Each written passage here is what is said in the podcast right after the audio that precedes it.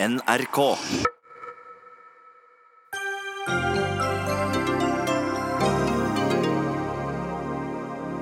Dokumentasjonen vi har fått underbygger varslernes historier om Trond Giske, sier Jonas Gahr Støre. Og nå skal han skape ro i et parti der noen mener pedofile har større rettsvern enn Giske. Tiden for mektige menn som misbruker sin posisjon er over, tiden er inne, sa Oprah Winfrey i en tale som går verden rundt. Og nå tygger superstjernen ifølge CNNs kilde på om hun skal stille som presidentkandidat i 2020. Regjeringen tar æren for at det ble skapt 50 000 nye jobber på ett år, men mange av dem er bijobber og midlertidige.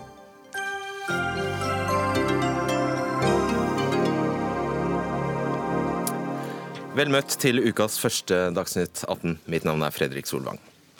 Ja, Trond Giske går altså av, både som nestleder og finanspolitisk talsperson i Arbeiderpartiet. Jonas Gahr Støre sier informasjonen partiet har innhentet om varsler mot Trond Giske, underbygger varslernes historier. Jonas Gahr Støre, leder i Arbeiderpartiet. Hvordan har du det nå? Jo, eh, jeg har jobbet med bedre saker, men jeg er mitt ansvar bevisst. Og jeg jobber sammen med mitt sentralstyre og min partiorganisasjon på å håndtere også dette. Viktige saker og viktige menneskelige hensyn å ta. Ålreit. I går sendte du ut en pressemelding der det sto 'Jeg har i kveld blitt orientert av Trond Giske om at han trekker seg som nestleder i Arbeiderpartiet'. Jeg har selv rådet Giske til å trekke seg, og støtter derfor beslutningen. Ba du Giske om å trekke seg?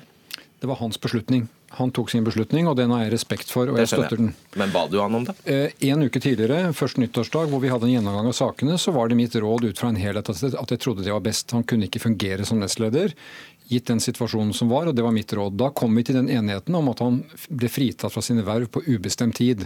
Så det var et svar på det. Så ga mitt sentralstyre meg i oppgave å vurdere spørsmål om tillit. Det har jeg gått og arbeidet med og tenkt på gjennom den uken som var, og jeg har kommet til den konklusjonen at det vi vet om eh, oppførselen, det er ikke forenlig med det å ha et verv som nestleder i Arbeiderpartiet. så det, all- alle disse rapportene om at du gjentatte ganger skal, skal ha bedt han trekke seg, de stemmer ikke? De stemmer ikke. Ok. Eh, og dette henger, i ho, dette henger på greip med at eh, Giske selv avviser at eh, du skal ha bedt han om å trekke seg etter 1. Eh, Han får ha den oppfatningen han har av det, men dette er egentlig et sidespor. Han har tatt en beslutning, den respekterer jeg. Jeg tror den var klok.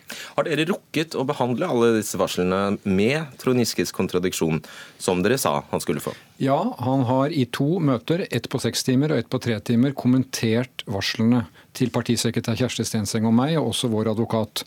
Eh, Så har han bedt om nå å få gi skriftlige tilbakemeldinger, og det har vi bestemt oss for at han kan få i den uka vi nå er i. Det er også en uke hvor han kan få tilbakemeldinger fra oss på det vi har innhentet av informasjon om varslene fra folk som har vært til stede og sett, og kan eh, gi kommentarer til det som har skjedd.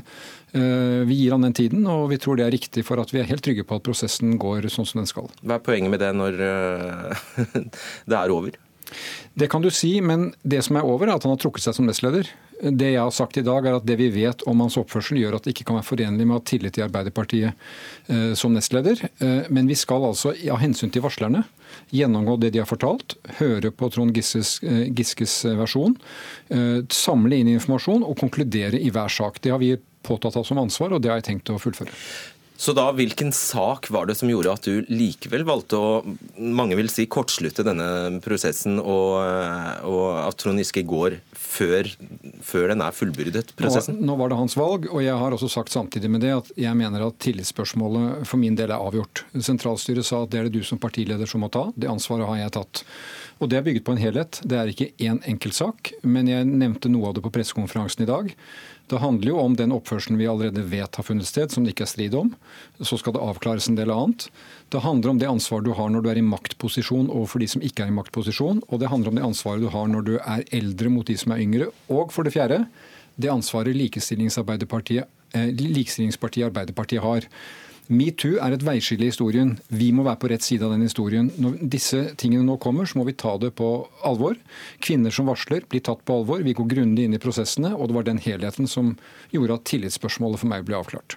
En helhet som inkluderer seksuell trakassering? Jonas Gahr Det skal nå avklares om det har funnet sted seksuell trakassering. De som har varslet, påstår det. Eh, De har krav på å bli trodd i sine historier, men historiene skal testes opp mot den det varsles mot, eh, og det han forteller. Og det gjør vi på grundig vis. Jeg vet dere i mediene, mange mente vi skulle trukket endelige konklusjoner mye tidligere. Jeg har insistert på at vi får gjøre dette i riktig rekkefølge, og det kommer jeg til å stå ved.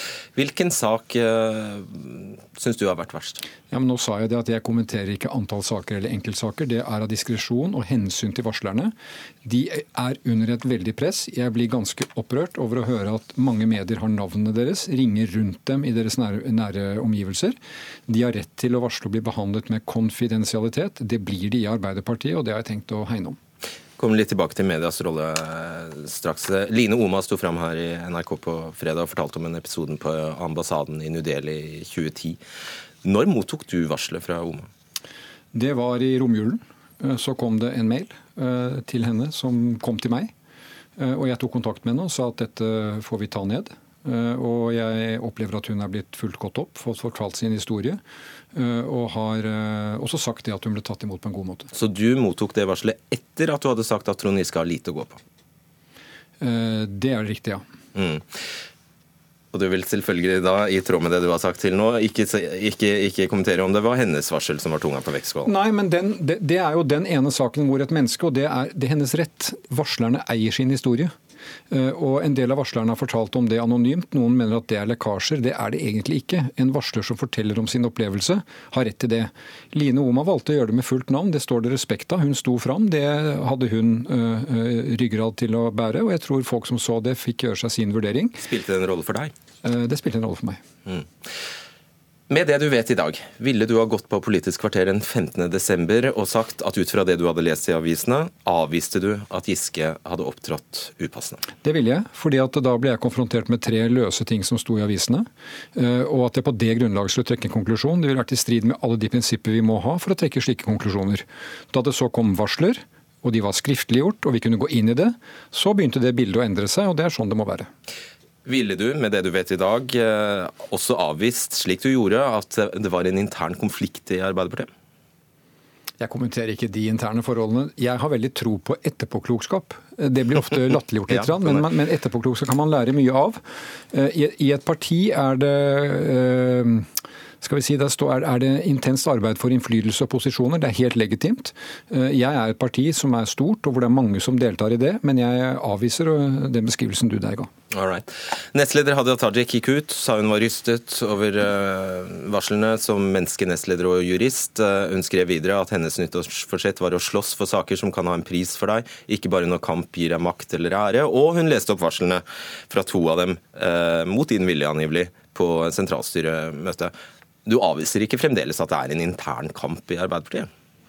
Du får velge dine ord, Solvang, men uh, jeg opplever at hun bruker sin posisjon. Hun må stå ansvarlig for det. Det er ytringsfrihet i Arbeiderpartiet.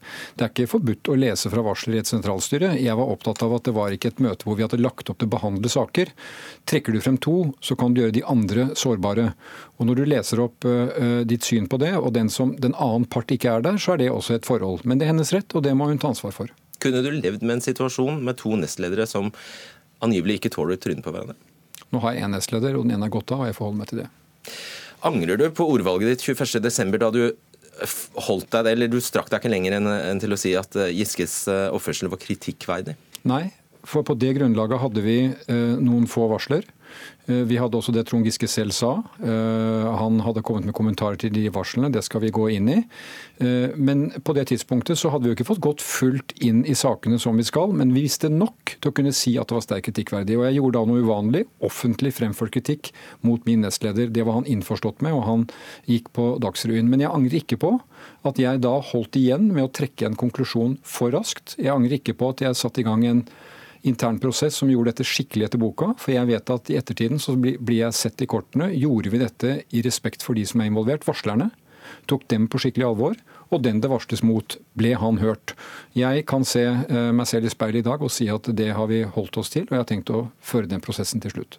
Du sa på pressekonferansen at du tok avstand fra at Giske påsto det hadde kommet falske varsler. Hvordan kan du være sikker på at noen av disse ikke er falske? Nei, fordi jeg er opptatt av at uh, altså Han har rett til det som heter kontradiksjon. Han kan si hva han er uenig i. Men det jeg sier er at ingen av de varslene jeg har sett, og den oppfølgingen vi har hatt, er falske. Man kan være uenig i innholdet i det, og det er urolig for, det er hvis man sier det, så kan man stemple varslere og gjøre de som har en historie å fortelle, redd for å gjøre det. Det er ærlig sak å si det at jeg har en annen fremstilling av saken. Jeg er uenig, men falsk varsel det kommer nært opp for meg det andre store ordet fra fjoråret, nemlig falske nyheter. Og jeg er like imot begge deler. Men du sier altså uten omsvøp at du tror på kvinnene, på varslerne. Eh, og deretter sier du at Giske skal få legge fram sin eh, versjon, som så skal forelegges varslerne igjen. Og da er jo i realiteten Trond Giske kall det hva du vil, men rettsløs på et vis, Nei. som mange har hevdet? Det er veldig viktig å si at vi tror på varslerne. Det betyr jo ikke at ikke det som fremkommer skal ettergås. Men hvis vi sier til en varsler om at eh, vi har ikke noe så grunn til å tro på det du sier, den som varsler har redd til å møte en som tror på det du sier. Men hele prinsippet med kontradiksjon, av å gå inn i det, det er å se om alt det som er der, faktisk stemmer. Ja, men Da har jo du allerede sagt sammen. at du tror i utgangspunktet på jenta. Jo, men det å tro på noen, det betyr at jeg tror at det du nå forteller meg, er din oppfatning av saken. Eh, og når vi skal ha en prosess på det, så betyr det at eh, vi går grundig inn i det. Eh, og jeg tror det er helt avgjørende for varslere at de skal møte folk som i utgangspunktet tror dem på det de sier. Men så skal vi ettergå det og høre den andre sides eh, versjon. Hvis vi sier at kom til oss, og vi møter deg med skepsis og mistenksomhet, så skaper det et dårlig klima. Du har sagt, eh, og du gjentar det, altså du har hørt rykter om Trond Giske, og du svarte på spørsmål om hvorfor eh, du ikke har foretatt deg noe. Eh, du, da, da, svarer du at du ikke graver i andres eh, privatliv. Sett i ettertid, burde du ha spurt Giske før han om dette, før han ble nestleder?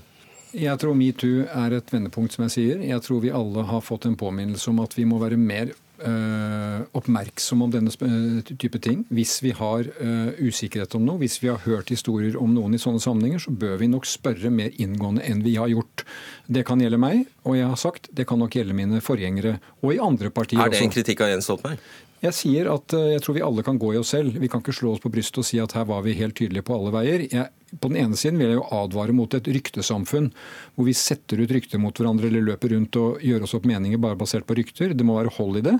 Men jeg sier samtidig at eh, jeg tror det er klokt å tenke nå, og tiden fremover, det er jeg mest opptatt av, at vi, hvis vi hører ting som gjør oss urolige, så påligger det oss å uh, ta det opp og, og, og Så det ville du ha gjort?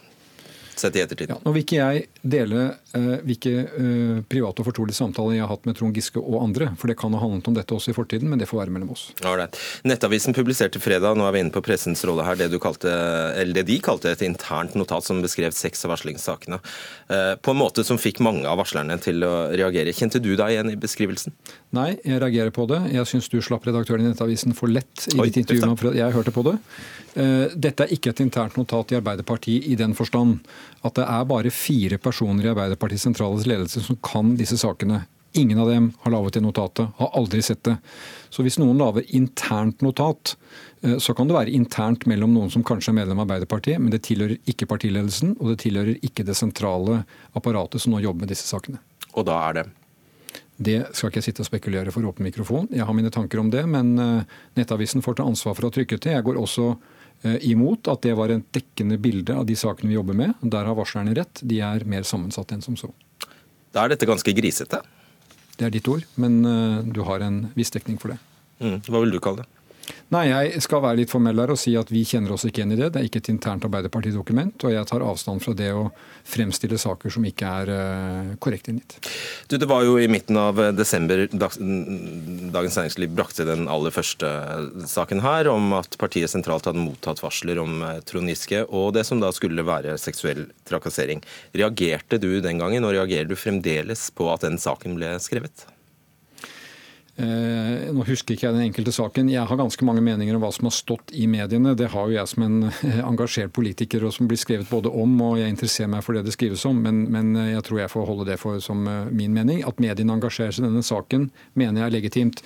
Det vi har erfart med metoo, er jo at det er to kanaler for varslere. Det ene er at de varsler inn til den organisasjonen de er en del av, bedriften, partiet og at de bruker mediene. Begge deler er jo egentlig legitimt. Og det er medienes oppgave å belyse denne type spørsmål. Men det er også sterkt følsomme temaer for varslerne, og også den det varsles om. Eh, og jeg har egentlig eh, stor medfølelse med begge parter. Hva har mediene gjort feil? Nei, Det får vi nå oppsummere. Jeg har ikke brukt tid på, på hva andre har gjort feil. Men du antydet det sterkt. Jo, men jeg, Fremfor å gjøre oppmerksomhet om hva andre har gjort feil, så har jeg forsøkt å gjøre det jeg skal gjøre riktig. Eh, men, men, det blir en voldsom belastning, en voldsom oppmerksomhet. Eh, og jeg tror det å forestille seg hva det vil si å være i stormens eh, midte for det, enten du er varsler eller den det blir varslet om, det kan man nesten ikke innse uten å være personen selv. og jeg har vært opptatt av å si at varslerne er de som jeg må ta aller mest hensyn til. Jeg må også ta hensyn til min partikollega Trond Giske. Jeg har sagt i dag at hvis du taper tillit, så er det mulig å arbeide tillit tilbake. Vi skal ta imot han i Stortinget som stortingsrepresentant etter sykemelding på en god måte, der han også har en rolle å spille. Så vi må se det menneskelige i dette. Eh, det er mange menneskeskjebner som er berørt, og eh, jeg har som ambisjon å være der for, eh, for, dem i den grad jeg kan. Du vet det er en del varslere som reagerer på akkurat det du sier nå? Ja, det vet jeg. Men jeg har stått opp for varslerne hele veien. Men det er medmennesker dette handler om. Det er ikke mitt som jeg sa på pressekonferansen, jeg har ikke rett til å unnskylde noens oppførsel mot andre. Man må ta ansvar for det selv. Eh, men jeg mener samtidig at eh, når du har eh, tatt det trøkket som nå Giske tar, han har gått av som nestleder, så er han altså valgt som stortingsrepresentant, og vi skal ta godt imot han når han kommer tilbake i Stortinget. Har du endret syn underveis her på hva seksuell eller uønsket seksuell oppmerksomhet er? Det har jeg nok i den forstand at jeg har lært veldig mye. Seksuell trakassering er uønsket seksuell oppmerksomhet som oppfattes som problematisk, ubehagelig. Eh, og jeg mener igjen at eh, metoo eh, for meg er et kulturelt veiskille. Det er et før og etter. Det er av disse øyeblikkene hvor du ser at nå skjer det en holdningsendring i historien, en kulturendring. Derfor så kan ikke vi være ferdig med dette i forbindelse med at vi behandler noen varslersaker. Det kan komme flere varslersaker. Men vi må ta tak i, og jeg har ambisjon om at det Arbeiderpartiet jeg skal lede, skal være i front på metoo-problematikk for å gjøre det trygt for kvinner og menn å være i offentlig liv. Og Det mener jeg vi alle har lært noe av, og vi kommer til å ha dette stort på dagsorden for å spre kunnskap, bevissthet og oppmerksomhet. Alt fra bruk av alkohol, der har vi gjort mye, men vi kan gjøre mer.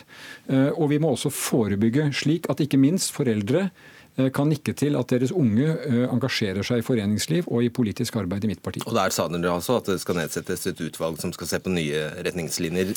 Partiveteran Gro Ballas har foreslått at denne oppgaven med håndtering og saksbehandling av varsler skal fratas ledelsen og heller legges til et råd? Ja, altså Min dyktige partifelle Pål Lønseth, eh, som er en erfaren jurist, han skal sammen med et utvalg nå gå gjennom rutinene våre. Jeg mener vi har hatt gode rutiner til å håndtere dette. Men eh, det kan hende at vi må ha litt, litt, litt mer etablerte mekanismer når trykket blir så stort. Det, hvis, hvis, det, rammer sentrale tillitsvalgte, er veldig mange saker og intens medieoppmerksomhet, så må vi ha gode strukturer. Altså for å si det sånn, Vi kan ikke ha at partisekretær og partileder i uke etter uke må bruke full tid på dette. Vi må ta ansvar og ta avgjørelser, men vi har nedsatt det utvalget som Lønseth skal gå gjennom, eh, til å kanskje gi oss noe styrkede strukturer for det. Og din anbefaling er Eh, at det ikke avholdes ekstraordinært eh, landsmøte? Du Som partileder så vet jeg at vedtektene våre åpner for det hvis et visst antall ønsker det eller landsstyret ber om det. Eh, jeg merket ikke sentralstyret en etterspørsel etter det, og i samtale med alle fylkeslederne i dag så har det heller ikke kommet frem et krav om det. Men dette er jo et uttrykk for at der ute i partiet ønsker de nå å få fokus over på det politiske arbeidet. Og jeg sier det at en del av det politiske arbeidet er faktisk metoo og disse spørsmålene. Eh, men eh, vi skal ha landsmøte ordinært om litt over et år. Et år går veldig fort. Og den partiledelsen vi har nå, den er iallfall eh, bevisst det ansvaret den har for å lede partiet framover. På tampen, jeg vet ikke hvor mye du har rukket å følge med i, mediene i dag, Jonas Gahr Støre, men i USA har nå metoo blitt til 'time is up' etter at Oprah Winfrey holdt en flammende tale i natt. Eh, der tok hun et oppgjør med et samfunn eh, og en kultur der menn tradisjonelt har utnyttet sin eh, makt, og hun sa at tiden for dette er rett og slett over. Kan man lese ja, Innebærer oppgjøret i Arbeiderpartiet noe av det samme? Ja, det gjør det. Og det er vel egentlig det som har vært viktigst for meg nå å kommunisere, at det gir oss et ansvar for å håndtere enkeltsaker. Vi har prosedyrer og retningslinjer mot det. Arbeiderpartiet har hatt retningslinjer mot seksuell trakassering siden 2001. Men dette er allikevel et tidsskille, for det sprer seg mye bredere enn det. Og kvinner skal være trygge for at de kan delta i vårt foreningsliv uten å oppleve det. Og da vil jo jeg som mann si at dette er bra også for menn. For det skaper større trygghet for at vi kan omgås, jobbe tett sammen, eh, tidlig og sent, på kontor og ute i virksomhet, uten at noen skal føle at deres integritet eh, er satt i spill. Og det mener jeg egentlig er et Jeg blir litt optimistisk og løftet av det, fordi at dette, til, dette gjør vondt. Det smerter mange, men jeg tror også det kan komme noe godt ut av det. Takk, Jonas Gahr Dagsnytt 18 alle hverdager kl 18.00 på NRK P2 og NRK2. Ja, frustrasjon, sinne og handlingslammelse er noen av ordene som brukes for å beskrive situasjonen på grasrota i Arbeiderpartiet nå. Fylkesledere i eh, partiet er uenige om det trengs et ekstraordinært landsmøte, og om partiet kan fortsette med én nestleder etter at Trond Giske trakk seg. Sverre Myrli, fylkesleder i Akershus eh, Ap. Du mener det kan være en god idé med ekstraordinært landsmøte. Hvorfor det? Ja, Hvis det kan bidra til å skape ro i partiet. For det er ikke å legge skjul på at det er veldig mange frustrerte, veldig mange oppgitte partifolk der ute, som jeg får henvendelser fra nå hele dagen. Eh, og det kan være en god idé. Hva skal hensikten med det være? Altså, Vi må huske på at Partiledelsen består av fire mennesker. De er jo ikke tilfeldig satt sammen. Det er fire mennesker som representerer ulike kjønn, ulike landsdeler, ulik bakgrunn. Vi har et sentralstyre på et par og tjue mennesker. Altså, vi, vi veit hvordan disse kabalene legges når vi skal velge slike kollegiale organer. Så det er ikke representativ jeg, ledelsen som Jeg husker jo at, at valgkomiteen foran forrige landsmøte brukte jo ganske lang tid på å peke ut de fire som nå sitter i ledelsen. Så, så det kan være argumenter for å ha et ekstraordinært landsmøte. Men så ser jeg at noen, også av mine fylkespartilederkolleger, sier at det kan medføre enda mer bråk i partiet. Og i så fall er det ingen god idé å ha det. Så vi får bruke litt tid nå fram til landsstyremøtet som vi skal ha i slutten av måneden, på å se om, eh, om det er en god idé, i tillegg til en rekke andre ting som vi bør diskutere i partiet vårt. Da, da går vi videre til noen av kollegene dine. Hilmar Høl, du er fylkesleder i Sogn og Fjordane. Hva, hva sier du til ekstraordinært landsmøte? Ja, jeg deler Sverre sine tanker om akkurat den, eh, at vi bør ha et ekstraordnet eh, landsmøte for å få den bredden og den, eh, og den formeningen fra alle partilag ute og alle fylkespartier om hvem skal sitte i den øverste ledelsen i, i, i det norske Arbeiderpartiet. Mm. Og Du sier du er forbanna på hele prosessen. Hva er det som gjør deg så forbanna? Nei, altså, jeg må først gi ros til Jonas og jeg må først gi ros til partiledelsen med Kjersti òg, fordi at eh, Da var det gjort. Hva er det som gjør deg forbanna? jo, men altså, det har litt med de eh, kloke strategiene de har kjørt denne saken i nå. Og det som gjør meg forbanna Jeg er så forbanna at jeg kan ikke få sagt nok, det er at eh, Ap og varslingssaken altså, Arbeiderpartiet er ikke et rettssubjekt i denne sammenhengen. og Arbeiderpartiet er et politisk parti tufta på frivillighet for mange tusen der ute. Og De forventer jo en behandling av, eh, på en skikkelig måte til det beste for alle de involverte. Så ser vi det at det er utrolig mye eh, lekkasjer der ute. Jeg ser òg at de, de velger å angripe ledelsen i organisasjonen for ikke å ta varselet på alvor. Men hvordan kan ta varselet på alvor i hele organisasjonen og hele saken er altså gjennomsyra lekkasje til media. Hva slags lekkasjer er du sikker til? Nei, Jeg tenker det altså blir skrevet om dette der det er eh, anonyme lekkasjer. og der partiet til sjuende og sist ikke får lov til å jobbe i fred. Kildene som gjør at vi i det hele tatt kan snakke om dette? Jo, klart at vi kan snakke om det. At vi vet det? Jo, det har ikke jeg sagt noe om at ikke vi skal vite det. Men det, det poenget er at eh, der varslingene er, så er det helt andre som står kanskje for de, for de lekkasjene som er der. Og det kan gi et inntrykk av at det er et maktkamp i partiet. Uh, der alle disse lekkasjene skjer i selve organisasjonen. Og jeg, jeg tilkjenner meg selv å si det at uh, det siste sentralstyremøtet, der Hadia Tajik las opp to varsler, så traff det media umiddelbart på samme tid, og lenge før møtet var slutt. Så det, det er noe som jeg føler er organisert og det er ikke bra for partiet at vi skal komme opp i sånne situasjoner. Skjønner. Stanley Virak, du er fylkesleder i Rogaland. Hva med ekstraordinært landsmøte, hva mener du om det? Ja, Jeg syns ikke det er behov for det. Nå har eh, ledelsen eh, takla dette på en veldig god måte. Jentene som har varsla har blitt tatt alvorlig, og varslingssaken har kommet inn i et veldig godt spor. Så tror jeg at ledelsen vil fortsette med det. Det som er viktig for oss nå, det er å få til å bygge et lag, skape tillit inn i organisasjonen og gå videre på det. Hvis vi skal kalle inn til et ekstraordinært landsmøte, så er det hele sommeren kommer til å gå på, eller hele våren kommer til å gå på dette. Det er tre-fire måneders innkalling, og vi får ikke ro. Jeg tror vi skal ta den diskusjonen på det landsstyremøtet som vi skal ha nå i slutten av januar. Stake ut retningen. Hvordan kan vi klare å bygge tillit? Hvordan kan vi klare å bygge lag? Og så må vi legge dette bak oss. Hvem har sagt hva? Hvem har ikke sagt det rette, og hvem har sagt noe feil. Og så må vi være enige om at nå skal vi se framover og gjenreise partiet. Så for meg er det tillit til ledelsen. Det er bra. Takk skal du ha, Virak. Bjørn Tore Ødegården, du er fylkesleder i Buskerud Arbeiderparti. Hva trenger, trenger dere et nytt ekstraordinært landsmøte? Eh, nei, sånn saken ligger i dag, så mener jeg ikke det er behov for et uh, landsmøte. Men vi får bruke tida nå fram til uh, landsstyremøtet i slutten av måneden til å, å sjekke dette nærmere ut.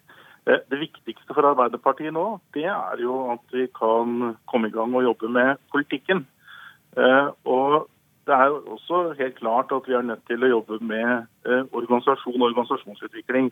Jeg stiller meg bak de som kritiserer den lekkasjekulturen som åpenbart preger Eh, deler av partiet vårt. Sverre Myrli, eh, du sier at det er en del spillere ute i partiet som nå utnytter situasjonen. Utdyp gjerne.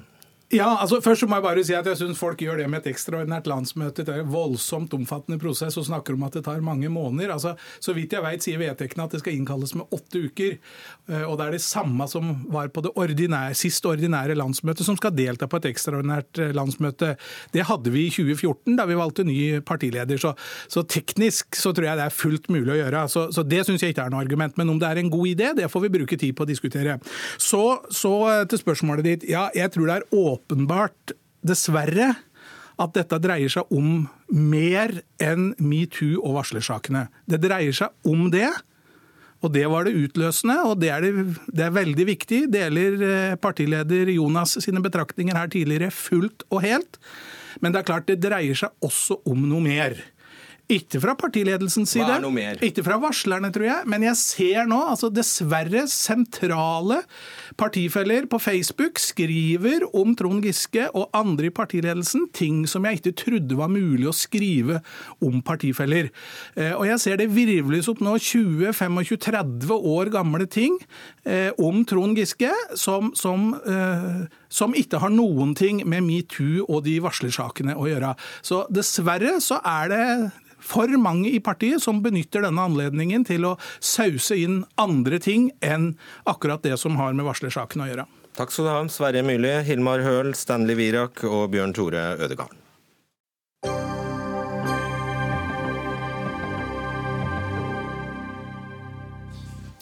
Det er slik at Stortingsrepresentant Kirsti Leirtrø fra Sør-Trøndelag mener Trond Giske har hatt et svakere rettsvern enn pedofile i varslingssakene mot ham. Så den som trodde at denne saken var helt over, må nok tro om igjen. Magnus Takvam, politisk kommentator her i NRK, hva kan da skje? Nei, eh, Svaret på det har vi jo ikke ennå. Det Jonas Gahr Støre prøvde i dag, var det første skrittet for nettopp å skape mest mulig ro i partiet. Men eh, den siste runden dere hadde i studio om f.eks. et eh, ekstraordinært landsmøte i denne situasjonen, er jo et eksempel på at roen i partiet ikke, ikke er til stede. Og det er klart at alle, alle kan være enige, vil jeg tro, en kritikk av såkalt lekkasjekultur, og at noen utnytter situasjonen, er noe alle vil være enige om å slå ned på.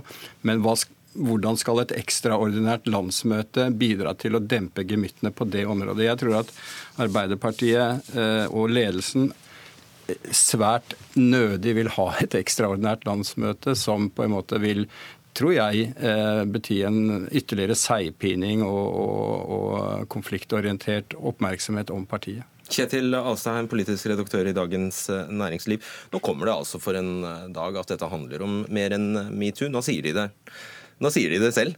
Hva handler det om da? Mer enn metoo? Ja, At dette handler egentlig om posisjoner, makt, kanskje gamle horn i sida til ja, altså. Ja, altså Når du hører, hører, de ulike reaksjonene og ser de ulike reaksjonene fra forskjellige kanter av partiet, så er det jo sånn at denne saken har virvlet opp veldig mye. Eh, overraskende mye, syns jeg. Det virker jo som det har vært, vært mye, mye, gruff som har ligget latent under her. Og I tillegg så ligger det jo en, en litt sånn, kanskje en uforløst bearbeiding av det valgnederlaget som de hadde i fjor. Så det er mye som, som røres sammen her.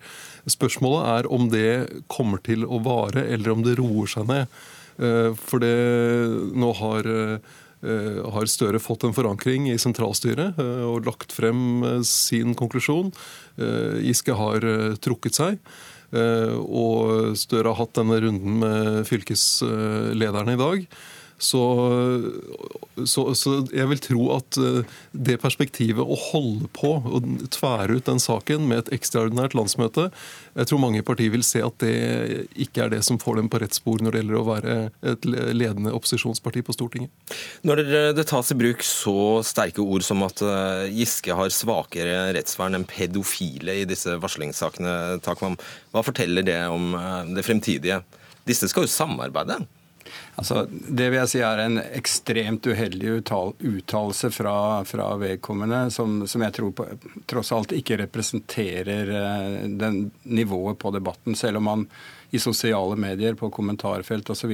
jo finner veldig mye som er, er, er, sjokkerende for de som ikke er vant til å, å lese så mye der.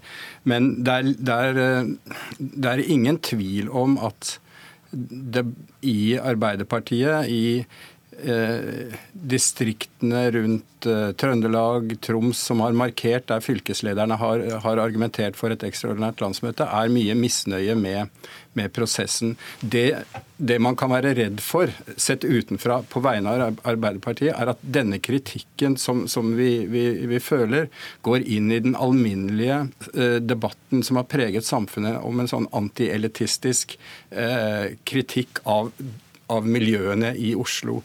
For Arbeiderpartiets del er det, veldig, er det et faresignal dersom kritikerne i partiet skal vi si, får debatten internt i det sporet om at dette er på en måte styrt av et sentralt Oslo-miljø, og vi ute i distriktene, i periferien, på grasrota, blir ikke hørt. Det er, det, det er et, eh, en fare for partiet, tror jeg. Altså, Vi hørte jo eh, Støre her gå i rette med deler av pressen. Det har vært en god del snakk om presseetikk i disse rundene. men så vet vi vel også at stort sett alle triks i boka er blitt prøvd fra andre holdet, altså fra politikerhold også. Dere skrev litt om dette spillet før helgen. Hva dreier det seg om?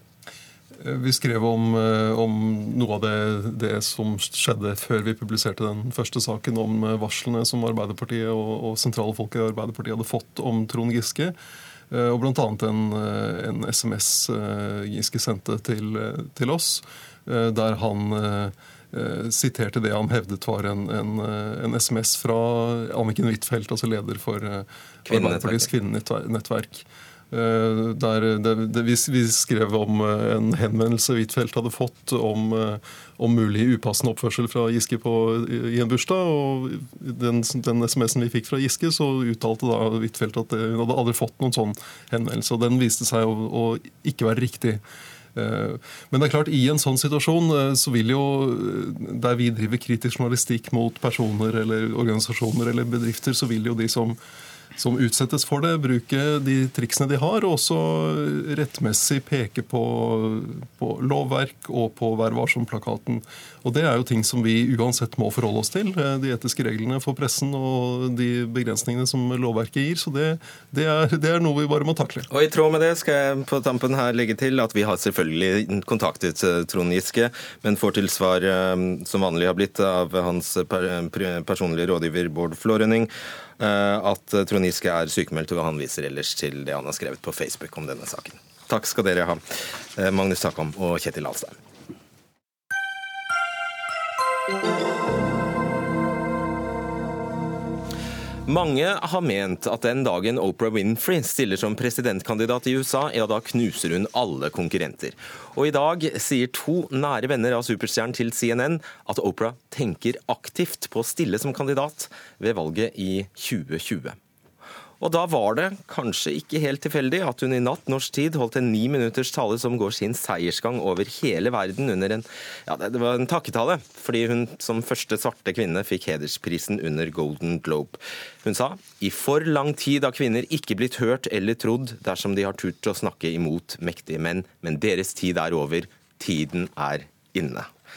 Det er jo vakkert da, Jens eh, Elmelund Kjeldsen, professor ved Institutt for eh, informasjons- og medievitenskap ved Universitetet i eh, Bergen. Hva vil du særlig trekke fram med talen, i korte trekk? Ja, Det er jo veldig vakkert. Altså Det hun kan, og som alle gode talere kan, det er at de kan si riktig ord til riktig tid. De kan ramme det folk føler akkurat nå. Og så har de vilje og energi til å utstråle at man vil gjøre en forskjell. Og utover det så må man kunne det retoriske håndverket. Og hun kan alle disse fire tingene. Det er mye bedre at Oprah Winfrey får snakke for seg selv, så vi skal se et lite klipp fra gårsdagens, eller nattens tale. So I want all the girls watching here and now to know that a new day is on the horizon to make sure that they become the leaders who take us to the time when nobody ever has to say, me too, again. Vibeke Løkkeberg, filmregissør og forfatter, filmforfatter, skuespiller. Eh, ja, du gjorde en liten rykning der. Hva var det med den talen, talen som eh, kom gjennom til deg? Jo, den kom, opp, ja, den kom gjennom, for den var mobiliserende. Og det er jo det som er målet her. Hun har jo allerede publikum for sine føtter. For vi er jo eh, klar over hva som skjer i verden nå. Eh, så hun eh, kan spille tilbake på en allerede satt situasjon.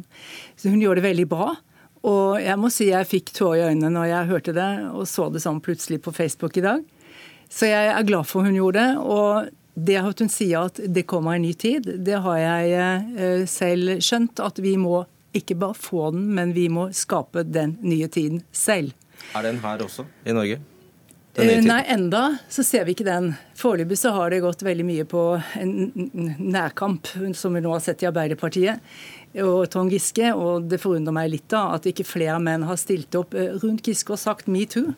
Altså, jeg har også eh, kanskje vært med på det samme som deg. Han eh, står jo veldig alene. Dette er jo en kultur, en mannskultur, som alltid har fått regjert. Og du skal ikke innbille meg at ikke det kommer flere varsler i Arbeiderpartiet før de får politisk ro om andre menn.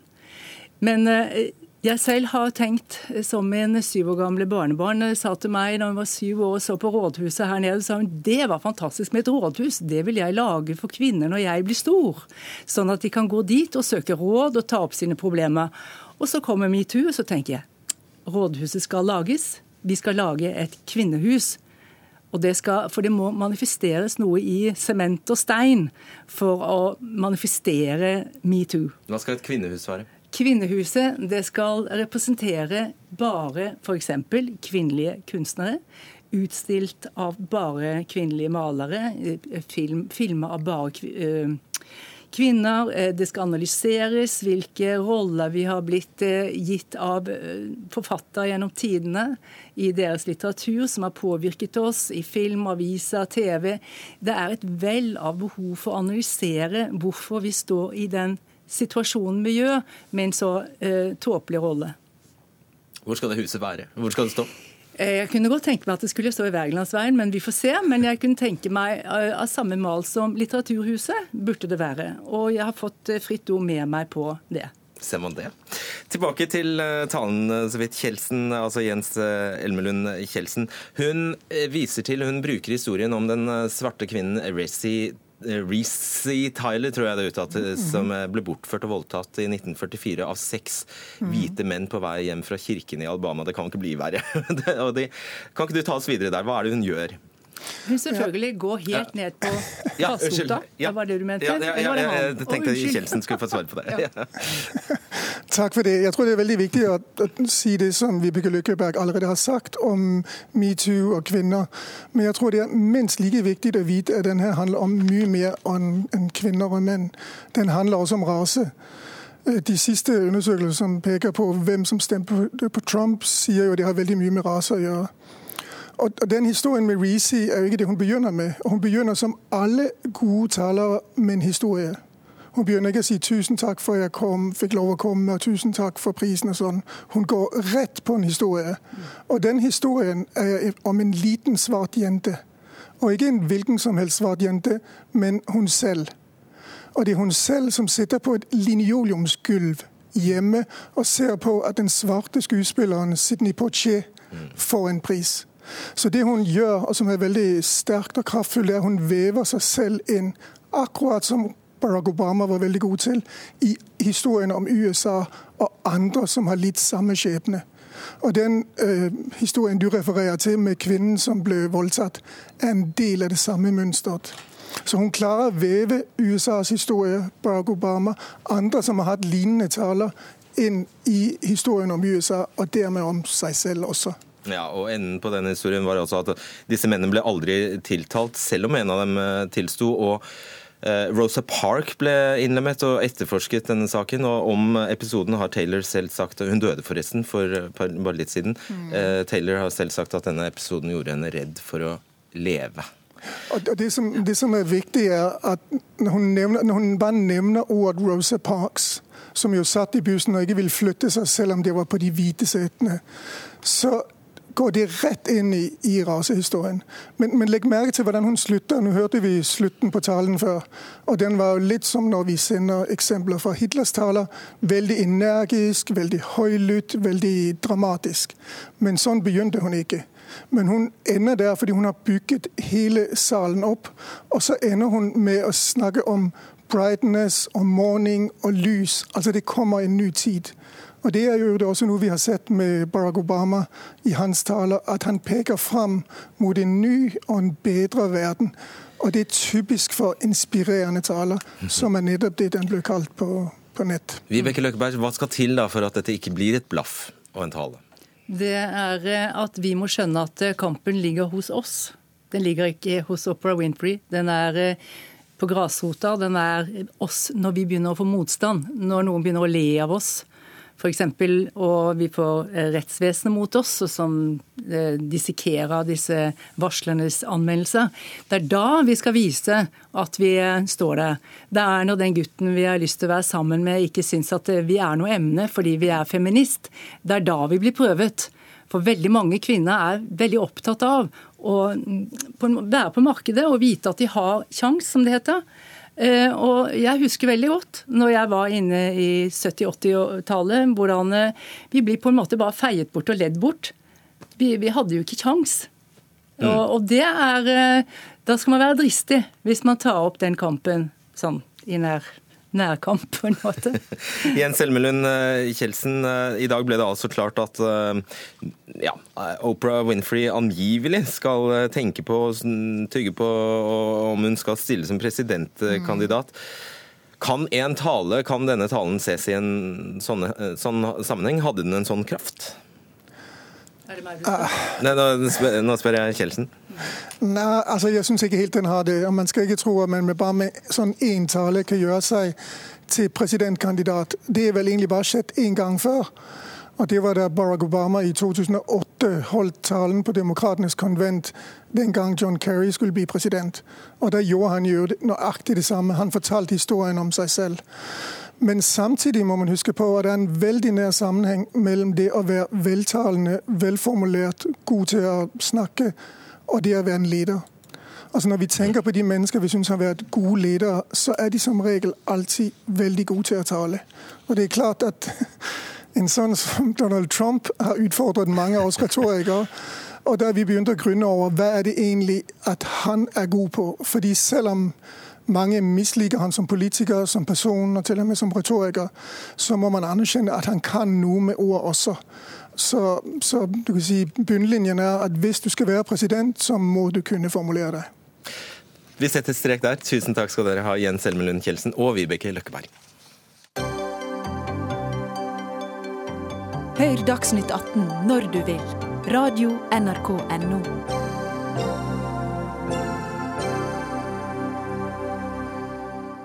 Arbeiderpartiet har i mange omganger kritisert regjeringen for ikke å føre en politikk som skaper flere arbeidsplasser. Vel, nå viser nye tall fra Statistisk sentralbyrå at det er skapt nærmere 50 000 nye jobber det siste året, faktisk. Ap lanserte også et mål om å skape 300 000 flere jobber de neste ti årene. Det er 30 000 i året. Så så langt har altså regjeringen oppnådd høyere tall enn det Arbeiderpartiet har lagt opp til. Fredrik Holen Bjørdal, medlem i finanskomiteen for Arbeiderpartiet. Kan legge ned hele partiet, da. Det er ikke noe vits i. Jeg tror vi i alle fall kan være enige om at vi har et par begredelige år bak oss i arbeidsmarkedet. og Derfor så skal vi jo glede oss over alle lyspunkt og hver en ny person som klarer å komme seg inn i, eh, inn i jobb. Men eh, en kan ikke bruke denne rapporten her som en fasit på at eh, nå går alt så mye bedre i arbeidsmarkedet. Vi har andre rapporter som ikke viser så gode tall, og fortsatt så Men bestrider du tallene? Jeg bestrider ikke tallene, men jeg tror vi skal være varsomme med å legge det her til grunn som en fasit, som jeg frykter at høyrepartiene nå kommer til å gjøre. Slå den her i bordet og slenge seg på sofaen og si at nå, eh, nå har vi nådd vårt mål. Det går ikke an å gjøre, for utfordringene de står fortsatt i kø. Nesten én av tre i arbeidsfør alder utenfor arbeidslivet. Dobling av unge uføre. Eh, og store utfordringer i arbeidslivet som regjeringa ikke tar tak i, og det er beklagelig. Ok, Finanspolitisk eh, talsperson i Høyre og leder i Stortingets finanskomité, Nikolai Astrup. Er du, du er, er jeg bare for å skryte, vel? det er veldig gledelige tall, det er ingen tvil om det.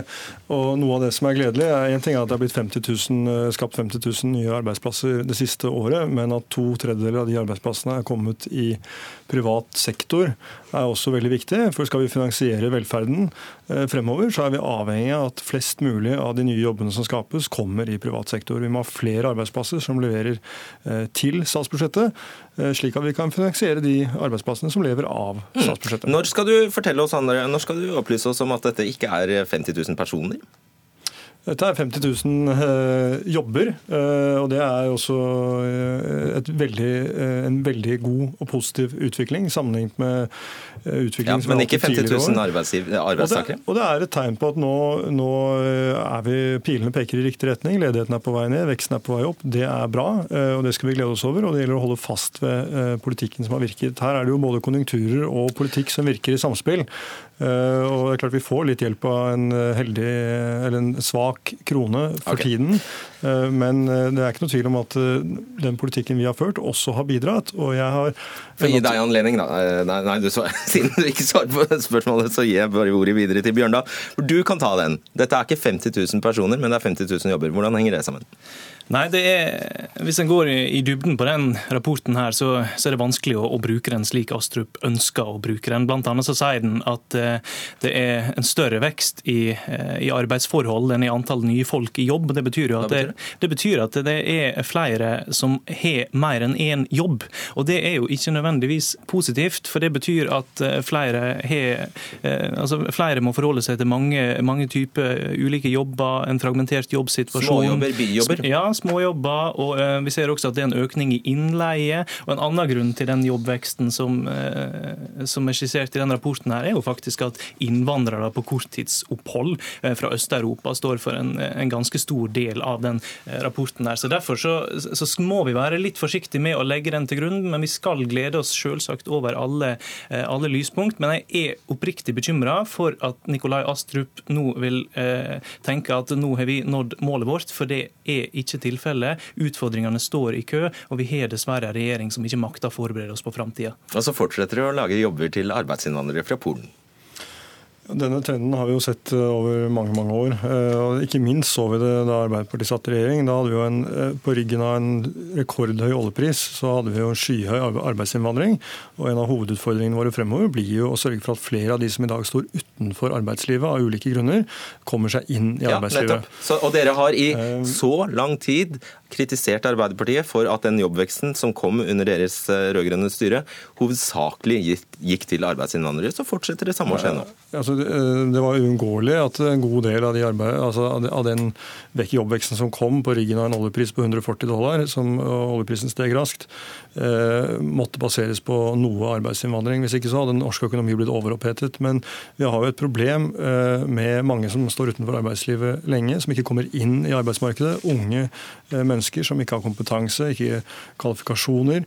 Så det å sørge for at vi har en skolepolitikk som fanger opp det, at vi har arbeidsmarkedstiltak, lærlingplasser som, som bidrar, er utrolig viktig. Men det Hovedpoenget her er det er ikke noen grunn til å lene seg tilbake. Det er jeg helt enig med min kollega om. men Eh, vi må fortsette arbeidet, men det er jo mulig å glede seg over at det går i riktig retning.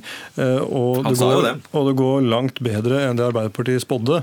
Eh, både under valgkampen, men også egentlig under hele den regjeringstiden vi har hatt så langt. Men en regjering må jo Astrup, måles på det den faktisk gjør. Og realitetene er jo det at Høyre og Frp har fått gjennomslag for et statsbudsjett for 2018 som ikke inneholder ett eneste nytt initiativ for å møte disse utfordringene. her. Det er ingen tiltak for å få flere flere inn i jobb. Det er ingen nye tiltak for å møte den dramatiske utviklinga med flere unge uføre. Tvert imot, det er kutt i arbeidsmarkedstiltak, og regjeringa har stemt ned en rekke gode forslag fra Arbeiderpartiet og opposisjonen som ville bidratt til å få flere jobb. Så vis meg disse tiltakene, Nikolai Astrup. Det klarer ikke du, for du er en representant for en regjering som ikke forbereder oss på framtida, som ikke tar tak i de store oppgavene. Ja, Det er jeg helt uenig i. og For å si det på snu, snu dette rundt. altså eh, det er, Arbeiderpartiet kan komme med ett eneste tiltak som ville bidra til å skape den jobbveksten vi nå ser. Tvert om så gikk Arbeiderpartiet til valg på å øke skattene med inntil 15 milliarder kroner, som er det siste Nei, Det mener de ikke lenger. Inntil 15, inntil 15 milliarder, for å bruke den modifiserte versjonen av valgløftet. Ehm, og Det er det siste eh, bedriftene trenger i den situasjonen de står i nå, hvis vi skal skape nye arbeidsplasser. Og Senest på Jeløya i forrige uke så var jo eh, statsministeren eh, ute og sa noe om nettopp hvordan vi skal møte de utfordringene som Vår ambisjon er 300 000 arbeidsplasser på ti år. Det skal vi klare på mange områder. Vi skal satse på kompetanse, på yrkesfag, på en kompetansereform, en jobbgaranti for uføre. Mange forslag. Problemet med dem er at Høyre og Frp gang på gang stemmer dem ned i Stortinget, sitter i studio og latterliggjør dem, og har ingen gode forslag for å løse utfordringene sjøl. Takk for debatten, dere. Fredrik Holen Bjørdal og Nikolai Astrup.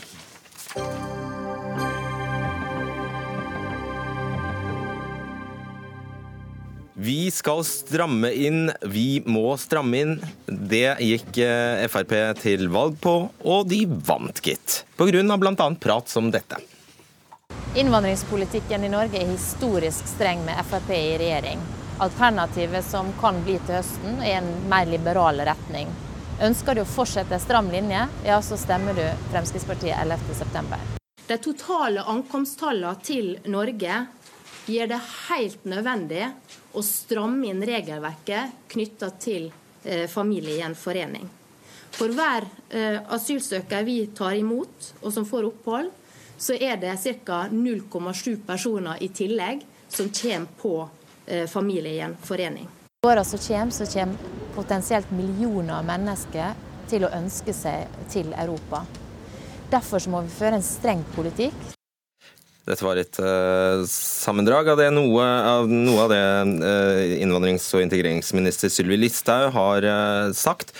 Europas strengeste og færre familiegjenforeninger lovte hun altså. Men hva viser tallene? Jo, de siste to årene er det satt nye rekorder på familiegjenforeninger, mens antallet som får asyl går ned. I fjor fikk 14 432 personer familiegjenforening. Jon Helgheim, stortingsrepresentant for, eh, fra Fremskrittspartiet. Da lurte dere velgerne? På ingen som helst måte. Vi har gjennomført innstramminger, eh, og det du ikke tar med, eh, det er jo hvor mange hadde kommet dersom vi ikke hadde innført disse innstrammingene. Vet da du det? Vi, nei, men vi kan vel tenke oss at vi ville vært nærmere tallene til Sverige, som er veldig mye høyere enn Norge. Fordi de har ikke ført en innstrammingspolitikk som vi har. Derfor får de veldig mange flere enn oss. Og vi har Akkurat levert... på dette området, Helgheim, der avbryte jeg Så hadde vi UDI-direktøren som forleden ja. fortalte at på familiegjenforening er Norge mer liberale enn Sverige. Vi kan uh, ha noen regler som kan være mer liberale enn andre land. og Det viser jo at uh, bildet enkelte prøver å tegne av at vi er altfor strenge i politikken vår, ikke er riktig. Ja, nå fører du, vi... snakker du ut av begge munnviker. Nei, det gjør jeg ikke. Men, men, du må skille litt mellom hva du snakker om også. Du snakker, vi har snakka om at vi har stramma veldig inn, sånn at det kommer langt færre asylsøkere over grensa. Så få som det kommer nå, har det ikke kommet siden 1995. Men det kommer fortsatt altfor mange eh, andre, f.eks. på familiegjenforening. Og vi har fremma forslag i Stortinget som har blitt nedstemt som går på å stramme inn på familieforening fordi vi ser det kommer for mange. Så det, det er jo stortingsflertallet ja, som ikke men- ønsker å stramme inn, men vi har kommet med forslagene. Dere sier ikke noe om det i valgkampvideoene, eller i, eh, i Jo, valgkampen. Vi har gått ut eh, for eh, flere ganger, og når vi fikk tall eh, for litt siden som viste at vi faktisk har tatt imot 85 000 flyktninger, asylsøkere og familiegjenforente, så har vi prøvd å markedsføre det for å vise innbyggerne hva som egentlig er gjeldende politikk, og ikke det skremmebildet som andre prøver å tegne av dem. Vi har prøvd å vise realiteten, og det tilsvarer faktisk en stor norsk by hvert sjette år Ja, som vi bosetter, og det er altfor mange. Georg Skjermen Hansen, prosjektleder i Selvhjelp for innvandrere og flyktninger, forkortet SEIF. Hva er grunnen til at eh, disse tallene er såpass høye når det gjelder familiegjenforeninger? Eh, Det er jo to åpenbare grunner. Det ene er at hele samfunnet har blitt mer internasjonalt. Det er flere nordmenn også som får ektefeller fra andre land, for disse tallene gjelder alle. Og så er det jo selvfølgelig eh, det kom et stort antall syrere i 2015 og som nå har fått innvilget asyl. Og Da sitter jo da stort sett kvinnene og barna, som er de samme menneskene det er politisk vedtatt at Norge skal prioritere som kvoteflyktninger. De blir det da forsøkt eh, å søke familiegjenforening for, så da er det en liten økning. Men det som også skal sies der, da, hvis, hvis det har vært så mange innstramninger nå, er at eh, disse familiegjenforeningstallene har jo vært lavere tidligere med en da såkalt mer liberal politikk.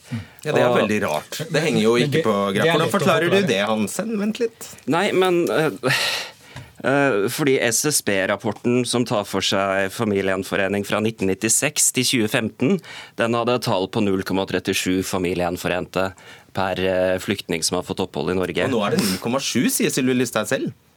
Ja, det tallet vet jeg ikke hvor er publisert. Nei, hvordan, hvordan får, hvor- dette stemmer jo ikke.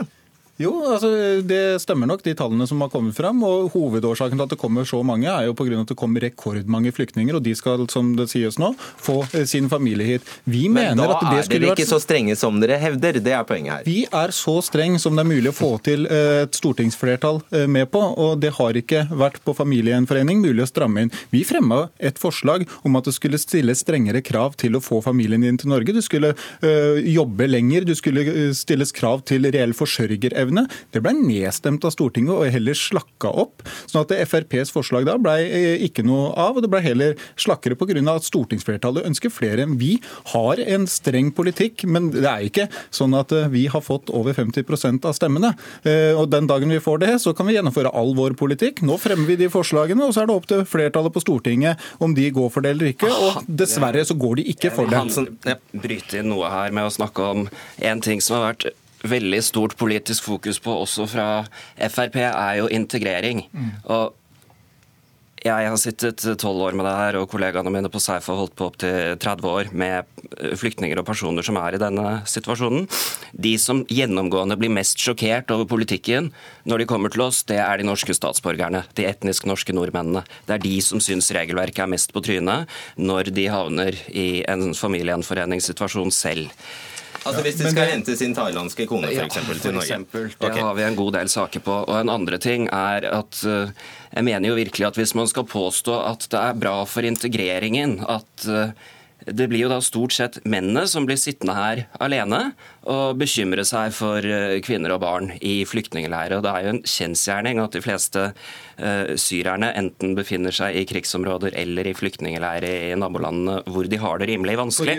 Og påstå at det er godt for er- integreringen at de skal bli sittende her alene, det får jeg ikke til å gå opp, med mindre du tenker at du aldri treffer de menneskene det gjelder. La oss ta det med integrering. Eh, For å få til god integrering så er det enkelt. Da må vi si stopp. Vi har tatt imot veldig mange innvandrere. som vi kommer til å få store problemer med å integrere. Ja, Hvis vi skal lykkes med integreringen, så må vi faktisk si stopp. Her så kommer dette til å føre til såpass mye problemer at vi ikke kommer til å lykkes. Og så er det viktig. Det skal ikke bare være bærekraftig med innvandringen til Norge i år og neste år og om fem år. Det skal være det om 10, 15, 50 og 100 år. Og Derfor kan vi ikke bosette tilsvarende en by større enn Drammen hvert sjette år. Det kommer til å skjære seg på Bare, et eller annet tidspunkt. La meg stille deg siste spørsmål. I i neste valgkamp, eh, når disse tallene har steget enda mer. Og det viser seg at FrPs politikk slett ikke er like streng som dere hevder i valgkampene. Kommer dere til å justere retorikken da? Nei, vi kommer til å si det enda tydeligere. Dere kommer til å fortsette å si at den er så streng, selv om tallene vi kommer, viser noe? Vi kommer til å si akkurat det vi har sagt fram til nå, hva som er gjeldende politikk, hva vi ønsker å gjøre. Og så er det opp til velgerne å stemme på oss hvis de vil ha en strengere innvandringspolitikk. Og det som Takk. var problemet nå, ja, er at de nei, ikke stemte på oss. Ja, ja, ikke sant, vil du si. Takk skal dere ha. Helge, Jon, nå skal du høre. Jon Helgheim og Georg Skjerven Hansen. Dermed var Dagsnytt 18 over, gitt. Arnhild Myklebust, Hans Ole Hummelvold og Fredrik Solvang takker for seg.